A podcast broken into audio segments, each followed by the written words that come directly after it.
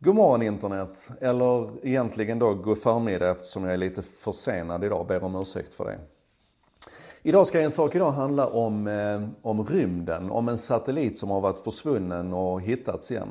Och även om du inte är intresserad av det som händer där uppe och satelliter och sånt, så häng kvar ändå för att den här berättelsen den innehåller allt och framförallt tre grymma lärdomar tycker jag. Eh, så, backstory då. 2000 så skickade NASA upp en satellit som skulle som skulle lära oss mer om jordens magnetiska fält och så här. Och den gjorde sitt jobb i två år, huvudmission, fantastisk upptäckt. Jag tror det var någonstans runt 45-50 helt nya vetenskapliga upptäckter man gjorde baserat på den här lilla satelliten som heter Image. Um, och sen så fanns det ett extended mission som man kickade igång precis som vanligt. Så nu har den levererat det den ska, nu tar vi nästa steg då med den här satelliten. Men helt plötsligt 2005, efter att ha varit igång då i fem år, så tappade man all kontakt med den. Helt plötsligt så bara dog satelliten, upplevdes det som. Och man försökte starta om den och man jobbade i två år med det här och det fanns speciella så atmosfäriska tillfällen där man hoppades att nu skulle vi kunna väcka den igen. Och man verkligen slet och kämpade för att försöka få liv i den här lilla satelliten. Men ingenting misslyckades.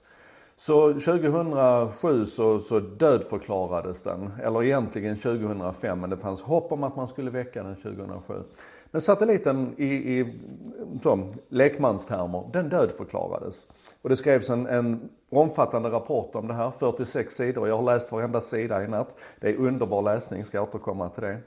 Men i alla fall, man dödförklarade satelliten och så glömde man väl bort det lite grann. Och nu 12 år senare så är det en amatörastronom, han heter Scott Tilley, han sitter i, i, i Kanada och har varit så fascinerad av rymden hela sitt liv. Och just nu så satt han och, och spanade efter en annan sån här lite illusiv satellit, en, en förmodad spionsatellit som sköts upp av eh, SpaceX här för ett par veckor sedan.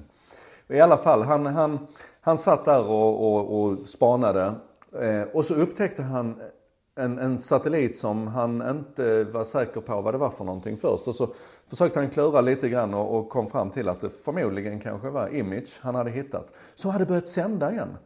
Så kan ni tänka er den här lilla satelliten som har farit omkring där uppe i alla år och alla har trott att den var död och sånt.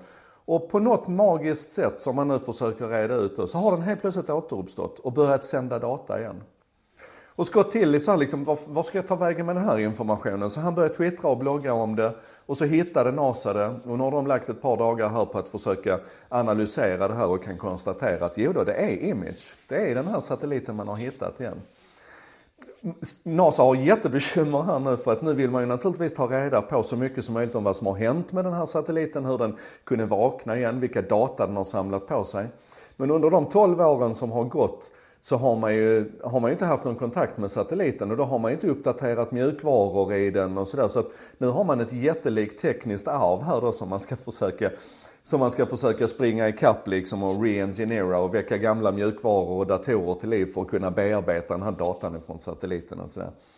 Jag tycker det är en sån, det är en sån ljuvlig historia det här på alla plan. Jag liksom, man ser ju bilden av den här lilla satelliten som far omkring där uppe ensam och dödförklarad. Och så börjar den sända signaler och så NASA upptäcker ingenting men så är det en amatörastronom som helt plötsligt fångar upp den. Så här. Och jag tycker vi kan lära mycket av den här historien. Jag tänker så här, en lärdom är ju naturligtvis att alltid se till att tänka på den här kraften utifrån. Alltså att det kan finnas någon där ute som kan hjälpa dig med någonting utan att du är medveten om ens att du behövde hjälp kanske. Och genom att NASA då lyssnar i sina digitala kanaler och är väldigt aktiva där så var det ju lätt för Scott Tilly att få kontakt med dem.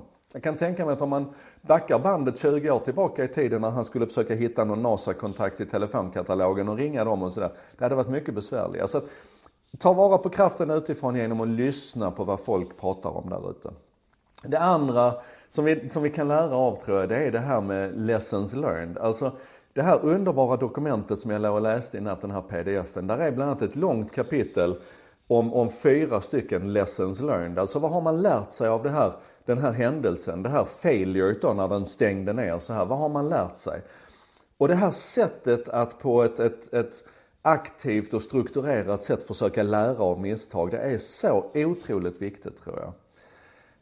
Den tredje lärdomen är kanske att se till att hålla sin mjukvara uppdaterad så att man inte hamnar med det här tekniska arvet som NASA har hamnat med här nu.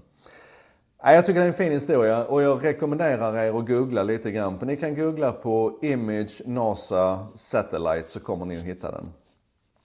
Ehm, Ja men det var dagens En sak idag och idag är det fredag så idag säger vi extra mycket tack till de goa vännerna på Bredband2 som hjälper till att göra det här möjligt och hjälper till att se till att, att vi får spridning på det här materialet så att fler kan vara med och diskutera. Den här veckan som har gått har vi haft ett gäng jättefina diskussioner tycker jag. Det har pratats om upphovsrätt och allt möjligt. Sjukt spännande. Så tack så jättemycket till Bredband2 för att ni hjälper till. Och tack så jättemycket till alla er som är engagerade och kommenterar och delar och, och likar och har er. Ni ska veta hur mycket det uppskattas och hur otroligt mycket jag lär mig varje vecka vi kör En sak idag. Nu håller vi lite helg och så ses vi på måndag igen.